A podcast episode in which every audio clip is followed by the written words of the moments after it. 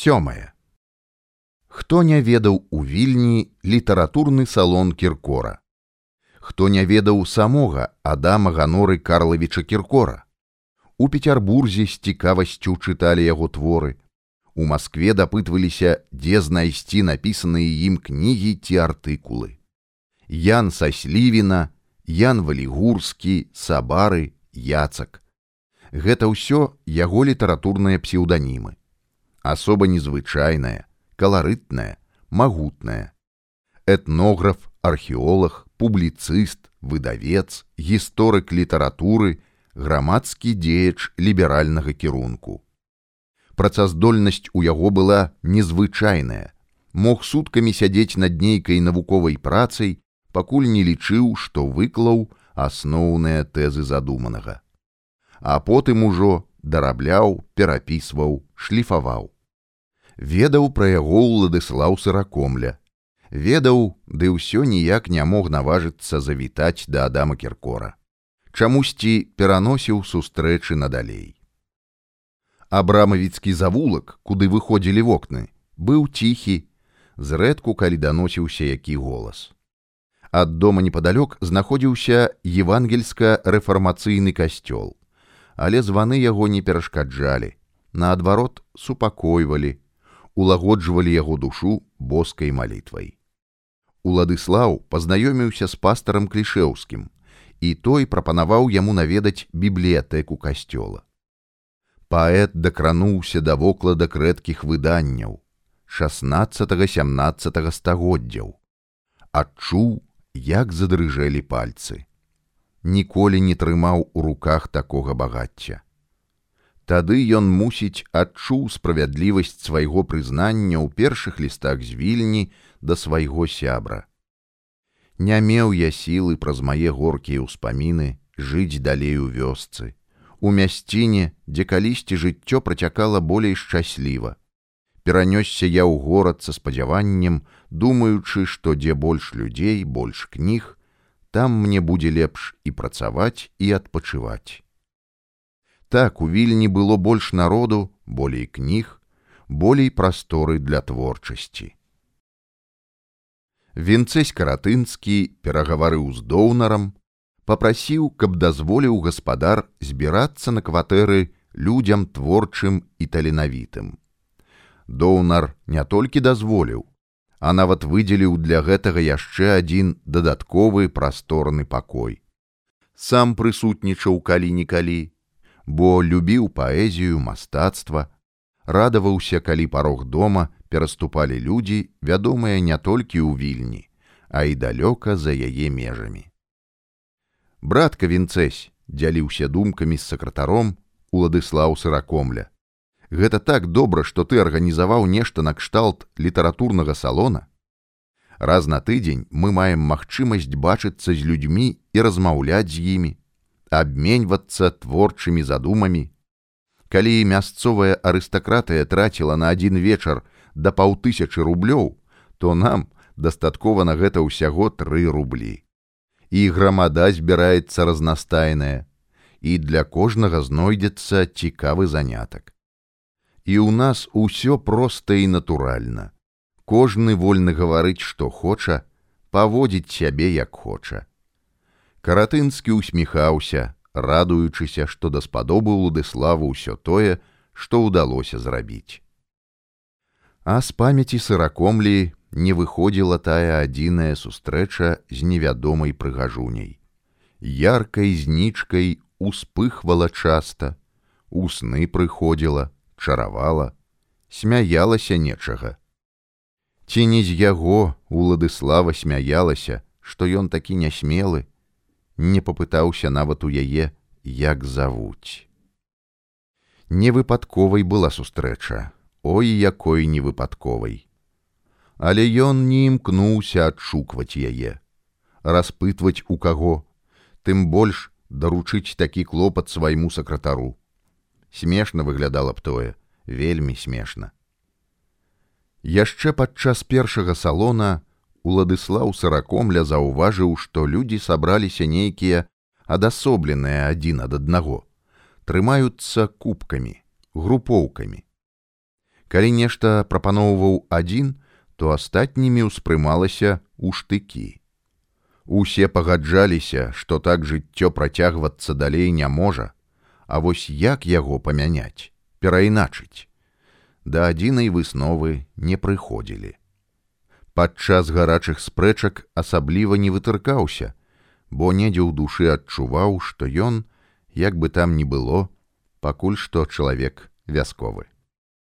А што думае на гэты конт спадар сыракомля, вывеў яго з задумення малады паэт вітальд дабравольскі, які прачытаў перад гэтым свае вершы і чакаў прысуду. А што мне думаць? Што сказаць на першыя спробы? Шмат працаваць трэба над радкамі. І не згодзін я хіба толькі з тым, што ў вершы адсутнічае цеплыня і спадзяванне, а нагнятанне толькі чорнага і скажонага, але гэта мае прыватныя думкі, спадар дабравольскі, прыватныя. Вітальд як не чуў яго слоў. Я знаёмы з вашымі вершамі, спадар уладыслаў. Але, на мой погляд, думкі вашыя, выказаныя ў вершах, утапічныя, нерэальныя. Не крыўдуйце, вы майстра, а я пачынаючы, таму магу і памыляцца. Нічога нічога паблажліва усміхаўся гаспадар. Мы павінны гаварыць адзін аднаму праўду. А ў душы нараджалася горыч нават крыўда на самога сябе што ён пакуль што далёкі ад іх. Ён яшчэ не ў вільні а сярод гаёў і дубраў і ніяк не можа выйсці з іх жонка пазней ужо бачачы што ён нудзіцца спытала Мо мы дарэмна прыехалі ў вільню. І я сябе пачуваю неяк няўтульна і ў гэтых сценах і ў самім горадзе. Нічога не адказаў. Ён усё жыццё вольна бегаў па палях, збіраючы кветкі, ловячы матылькоў, а тут і пагуляць няма дзе. Усюды агароджы, агароджы, дамы, дамы. І паветра не такое, як у залучы, і зоры не такія і людзі. Тлум гул і гам. Засумаваў сыракомля па цішыні па спакоі. А калі дачуўся што можна арандаваць фальварак які знаходзіцца і не так ужо далёка ад вільні што вельмі падыходзіла для яго адразу ж ухапіўся за гэта фальварак месціўся па дарозе на ашмяны барэйкаўшчына і раздвойваўся ўладыслаў. Адна яго палавіна ў фальварку, а другая ўжо ніяк не магла адарвацца ад вільні. Чатыры сям'і прыгонных душ, тры валокі зямлі. І ён нічым асаблівым не вылучаўся сярод іншых шляхецкіх сядзібаў у прынёманскім краі. І не пан і не падпанак, не багацей, але і на жабрака не падобны не палац з калонамі, але утульная драўляная хаціна нашмат прастарнейшая за тую, што была ў залучы. Шырокі і высокі ганак густа аплецены з абодвух бакоў лісцем вінаграду. Афіцына, прасторны двор увесь у зеляніне, густой траве і спрэс у палявых кветках. Уладзік насіўся ад радасці па незнаёмых закутках, бегаў туды-сюды па дзвюх сцежках, якія пратапталі да гаспадарчых будынкаў і ў вялікі сад, у якім былі слівы і грушы, яблыні і вішні. Мы тут будзем жыць, татачка, дапытваўся сын. І я тут буду гуляць, і мы не вернемся больш у горад. Тут сын будзем жыць. Падабаецца табе, вельмі татачка прыехалі яны ў барэйкаўшчыну перад першым траўня 1853 года. Той год на дзіва быў удалы для ўладыслава сыракомлі. Падарунак яму наладзіў Петербург. У друкарні вольфа выйшла асобным выданнем яго паэма гутарка дабрародны Ян Дэмборг. З гэтай нагоды вінцэсь каратынскі, прывёз з вільні смачных напояў, каб усеўшыся разам з палінай за сталом ушаноўваць слыннага лірніка. Ён жа сядзеў задумлівы, адпіваючы глыток за глытком чырвонае іскрыстае віно. Нельга было зразумець, радаваўся выхаду кнігі ці аднёсся да яе абыякова. А праз нейкі час другі падарунак зрабіла вільня. Вінцэсь прывёз і ўручыў паэту гістарычна краязнаўчую кнігу вандроўкі па маіх былых ваколіцах. Сыраком ля чытаннем спатоліў настальгію па сваіх мясцінах маладосці. Кожны радок гаварыў пра яго тугу і шкадаванне, што тое ўсё больш не вернецца. Не вернуцца захады і світанкі ў нясвіжыя міры, стоўпцах і койданаве. А сыракомля задумваў адправіцца ў новыя вандроўкі і напісаць глыбей і жывапісней пра наднёманскі край, пра мінскія прасторы. У сярэдзіне снежня таго ж года разам з сям'ёй і вінцэсем адправіліся да бацькоў і сясцёр паэта, каб адцвяткаваць каляды ў тулёнцы. Але ўладыславу было не да калядаў. Зачыніўшыся ў пакоі, ён за кароткі час напісаў гутарку пан марка ў пекле.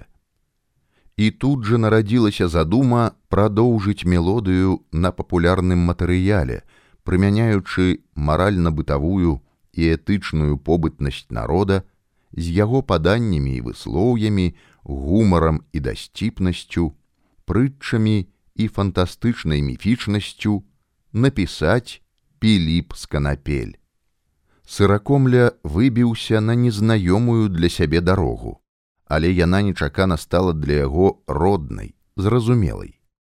Ён выдзеліў сам сабе кавалачак зямлі і засяваў зярнятамі словамі сваё поле.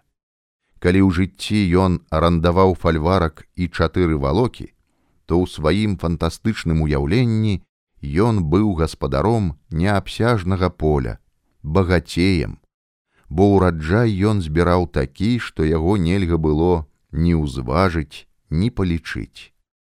А потым прасілася тэма пра заблоцкага і мыла. Зарабіў, як заблоцкі на мыле. Тыя прымаўкі, якія чуліся кожны дзень, знайшлі сваё паэтычнае ўвасабленне ў радках сыракомлі. Адарваўся ўсё ж уладыслаў ад сваіх радкоў выпіў з бацькамі наліўкі, схадзіўшы перад гэтым у касцёл. Не заўважыў сын, што на бацькоўскія плечы ў тыя дні легла шмат клопатаў.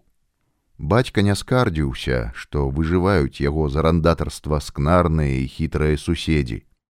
І ўладальнік зямлі Вітгенштейн нічога не зрабіў, каб пакінуць кандратовічоў у спакоі.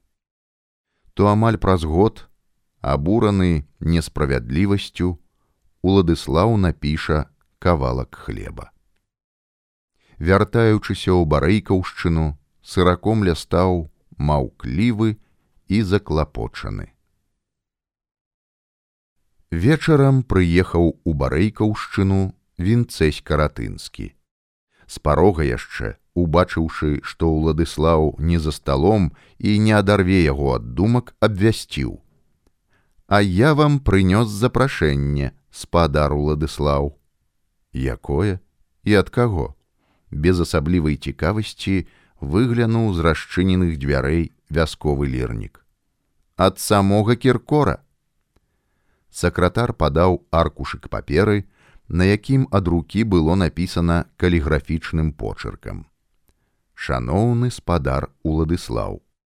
Здаецца, шмат мінула часу, як ты жыў у вільні, потым пераехаў у вёску, а мяне так ніколі і не праведаў. Даўно хачу з табой пабачыцца, пазнаёміцца і абняць цябе за тое, што ты пішаш такія цудоўныя вершы. Будзе час, зазірні, буду вельмі рады. Твой Адам Кіркор. Ты як з ім пазнаёміўся? А ў мяне былі клопаты, у археалагічнай камісіі, але я найперш зазірнуў да яго як да рэдактара кур'ера віленскага. А, няўцямна прамовіў сыракомля.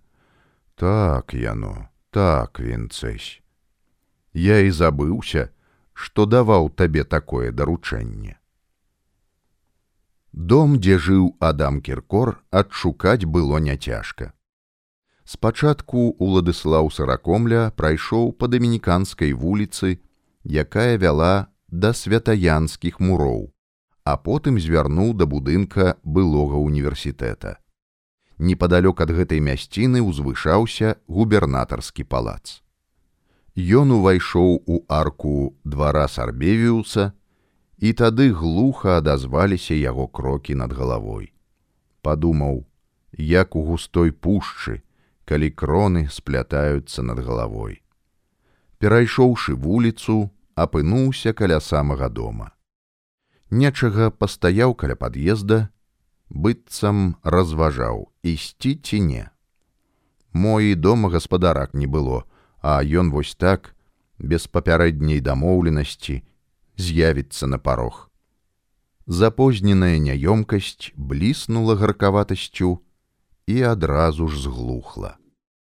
Паступова падымаўся па сходах, абапіраючыся рукой на парэнчы. Пастукаў ціхенька ў дзверы. Доўга не адчынялі, а потым стала чуваць, як нехта ўзяўся за дзвярныя ручкі, шчоўкнуў замок. Жанчына ў белым фартуху уважліва глядзела на наведніка. Добрый дзень. Скажыце, а гаспадар, Адам Кіркор, дома? Добрый дзень. Вы па запрашэнні? так узрадавана прамовіў сыракомля, радуючыся, што і гаспадар дома і пакаёўка прыветная. Адам запрасіў мяне. Заходзьце, прысядьце, я пайду і скажу пра вас. Невялічкая гасцёўня з мяккай мэбляй, светла-блакітныя сцены, на іх медальёны зымалі з ідылічнымі гравюрамі, сялянка з сярпом, касец, у абдымку сядзяць хлопец і дзяўчына з касой да каленяў. Далей карціны невядомых мастакоў і вядомых, двух залескіх майстроў пейзажаў, раніца і над днёманам. Расчыніліся дзверы, і на парозе стаў гаспадар. Хаця ён быў усяго на пяць гадоў старэйшы за ўладыслава, але кінулася ў твар яго азызласць. Мото мяне праведаў паэт Уладыслаў сыракомля, які хаваецца ад мяне і абмінае маю хату. Сыракомля падняўся, ступіў крок насустрач. Не хаваўся я, спадарадам, даўно хацеў пабачыцца. Добры дзень, дарагі, добры дзень. Рукі дужыя, аблапіў як мядзведь, прытуліўся шчакой да шчакі, колькі імгненняў маўчаў, не выпускаючы з абдымкаў. А потым, трымаючы за плечы, нейкі момант глядзеў пільна і прыхільна ў вочы. Дякую, што прыняў маё запрашэнне, выгукнуў: Гелена, золатка маё, паглядзі, хто прыйшоў да нас, хадзі сюды і ўсё не адрываў позірку, як быццам не верыў, што перад ім стаіць вясковы лірнік, пра якога столькі размоў, столькі водгукаў на яго творчасць. З другіх дзвярэй, стаўшы на парозе, показалася жанчына. Яна ўсмешліва глядзела на госця, маўчала. Сукенка з чырвонай брошкай на грудях, і здавалася, што ад той брошкі выпраменьвалася святло на яе шчокі. Божачка, дык гэта яна ударыла хваляванне ў скроні, працяў усяго пякуча салодкі боль. Дык гэта ты, тая незнаёмка, якая сустрэла мяне на вуліцы. Не можа гэтага быць. Я ж шукаў цябе, блэндаючыся павільні, а знайшоў цябе тут дома Гелена пазнаёмся гэта паэт уладыслаў сыракомля якога называюць вясковым лірнікам вершы якога ты чытала мне здзіўляючыся, як хораша яны гучаць. Гелена падышла да паэта, падала руку. Ён узяў яе, паднёс да вуснаў, пацалаваў, схіліўшыся ў паклоне. Вы знаёмы з маімі вершамі, пані Гелена, пацікавіўся саракомля, калі селі на крэслы, каб прадоўжыць далей размову. І не толькі знаёма, а шмат якіх ведаю на памяць. Адам Кіркор паглядзеў на жонку. Дык мо пара ўжо маё золатка і абедаць. З дарогі наш госць прагаладаўся, пэўна. Ды не паспеў я яшчэ прагаладацца, запярэчыў саракомля. Адам і Уладыслаў засталіся адны. Хацелася пагаварыць пра многае, але два вялікія чалавекі не ведалі, з чаго пачаць размову. Пачалі з дробязяў. Як здароўе, Уладыслаў, як тваё там арандатарства? Ведаю, што пакінуў залуча, рашыў у вільні жыць, а потым у барэйкаўшчыну перабраўся. Так адам перабраўся і стаў і не гарадскім і не вясковым, але душа там, сярод маіх дубраў. Разумею цябе, дружа, разумею. І я люблю лясы і балоты палескія. Колькі папахадзіў я па іх, колькі начэй правёў пад тым небам. Археалагічная камісія абавязвае падрабязна апісваць убачанае і адкрытае. Хачу даць табе прачытаць асобныя часткі наступным разам, як прыйдзеш. Мне хочацца, каб ты сваім крытычным вокам ацаніў. Ведаю, пра міншчыну пішаш цікава. Паэтычна пішаш, не так, як я, суха і нудна. Навошта ж так пра сябе, Адам. Лепей за цябе няма і археолага і апавядальніка нашых краёў. Кіркор схіліў галаву, як бы згаджаючыся са словамі госця. Я табе свае вершы прынёс новыя, каб ты прачытаў і даў сваю ацэнку. Твой прысуд для мяне вельмі важны. Расшпіліўшы сурдут, дастаў складзеныя ў чатыры столкі некалькі аркушаў падаў адаму. Добра да наступнай сустрэчы падрыхтую табе адказ твае вершы трэба чытаць удумліва і няспешна праз нейкі час да іх выйшла елена грудным мяккім голасам прамовіла хопіць вам на галодны страўнік свецкія размовы весці пара за стол Божа які голас, які пагляд. Усё аддаў бы, здаецца, каб чуць і бачыць яе.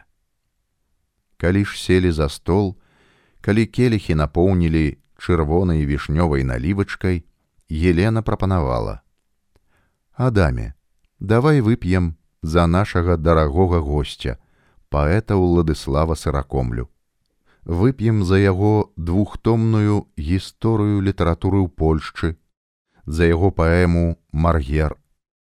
Я хачу сыграць галоўную ролю ў вашай самай лепшай п'есе спадар Уладыслаў. Вы мне зробіце такую ласку.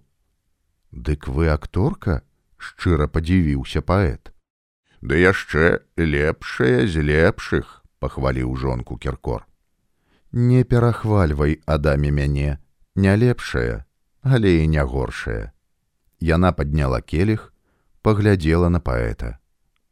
За вас, вясковы лірнік, за вашу ліру, за вашы паэмы і п'есы. Хораша на душы ў лірніка, як нечакана пашчасціла яму. Елена дакранулася локцем да яго рукі, і ён адчуў, якая спапяляльная гарчыня сыходзіла ад яе сам сябе дзівіўся ўладыслаў і таму праз хвіліну ён адказаў ёй тым жа штурхануў лёгенька пад бок. Гасцяванне саракомлі ў кіркора задоўжылася і таму гаспадары прапанавалі яму пераначаваць у іх доме. Ежы ўжо больш за месяц быў у вёсцы. Захацелася перамяніць абстаноўку, падыхаць іншым паветрам, пагаварыць з людзьмі, пасядзець дзе-небудзь у віленскай кавярні. Справа з маёнткам яшчэ не дайшла да завяршальнай стадыі, валакіцілі судовыя чыноўнікі. Ежы паўздзейнічаў на зыгмунта, расказаў яму пра свой удзел у тайным таварыстве, і брат пасля гэтага попрасіў яго: « Дык ты мяне запішы ў гэтую арганізацыю. І я хачу быць карысным для агульнай справы. Добра. Наступным разам калі будуць збірацца яе ўдзельнікі, мы паедзем разам з табою, каб і ты паўдзельнічаў, пераканаўся, наколькі тое сур'ёзна. І раніцай рушыў у дарогу. На трэці дзень знаходжання ў вільні зазірнуў у гасцініцу, у якой знаходзілася рэстарацыя, дзе смачна кармілі. Пан ежы любіў смачна паесці, выпіць лёгкага віна і калі ўжо скончыў трапезу, калі разлічыўся за стравы і напоі, падсеў нечакана да яго той чалавек з варшавы, з якім пазнаёміўся ў берштанах, які попрасіў даставіць звяждоўскаму рэвальвер. О, пан ежы, якая сустрэча, добрый дзень. Дзень добры, Езус пахвалёны, даўно ў вільні, трэці дзень. А я ўжо тыдзень тут. Пан ежы, я цяпер паўнамоцны камісар камітэта рэвалюцыйнага руху на літве. Будзем гаварыць шчыра, але не тут. Давай пройдземся па вуліцах горада, альбо ў парк зазірнем, там шмат вольных лавачак. Вольная скамейка адшукалася, і яны селі на яе. Нестар нейкі час не распачынаў размову. Падставіўшы твар сонцу, прымружыўшы вейкі, маўчаў. Як камісар літоўскага рэвалюцыйнага руху павінен выкласці асноўнае палажэнне арганізацыі. Канкрэтна табе даручаецца падбор надзейных людзей, як сярод памешчыкаў, так і сялянаў. Трэба мець запасныя схованкі, дзе можна было б хаваць зброю і харч. У памешчыкаў ёсць лядоўні, дзе яны трымаюць рыбу, саланіну і гародніну. Зразумела. Каля іх ног вуркаталі галубы. Ежы дастаў са скураной сумкі кавалак хлеба і пакрышыў птушкам. А праграма, Нестар, у чым заключаецца праграма? Нестар выпраміўся, схіліўся наперад, упёршыся рукамі ў калені. Галоўнае апора на народ без народа мы нішто. Для яго ж робіцца рэвалюцыя. Гэта супадае з маімі ўяўленнямі паўстання. Бо дзе ж узяць тую сілу, як не ў сялянскіх мільённых масах. Калі гаварыць пра легалістаў, то іх праца, канешне ж, мае карысць, але, на маю думку, яны не аказваюць істотнага ўплыву на сам народ. Гэта ж чаму? іх праца як бы на паверхні, як тлеючы агонь, які ніяк не можа загарэцца і ўспыхнуць полымем. Так, маеш рацыю ежы. І таму яшчэ раз пацвярджаю, ад той праграмы, якую зацвердзіў рэвалюцыйны камітэт, мы не адступім ні на крок. Тады я, паўнамоцны камісар, аддаю сваё жыццё рэвалюцыі што трэба для таго, каб афіцыйна ўступіць у таварыства. Простыя фармальнасці, вусная прысяга. Пойдзем да мяне, там усё і аформім. Яны яшчэ пасядзелі нейкі час у парку, абгаварылі да канца дэталі сваіх далейшых дзеянняў, сувязяў паміж сабою, дзе зручней сустракацца, і толькі пасля гэтага падаліся да дома графіні плятар, у якой пражываў дзюляран. Дом знаходзіўся насупраць палаца назімова. У кватэры Нестара быў Эдмунд вярыга. Ён даў аркушык паперы з традыцыйнай клятвай, попрасіў азнаёміцца і прачытаць у голас, назваўшы сваё прозвішча.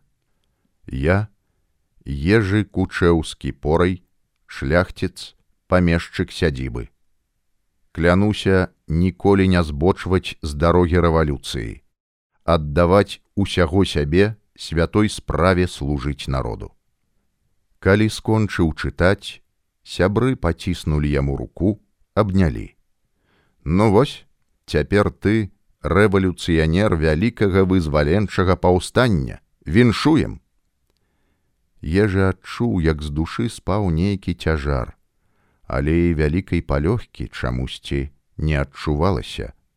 Ён не ведаў, як растлумачыць тое пачуццё, як расцаніць яго, радавацца ці засмучацца.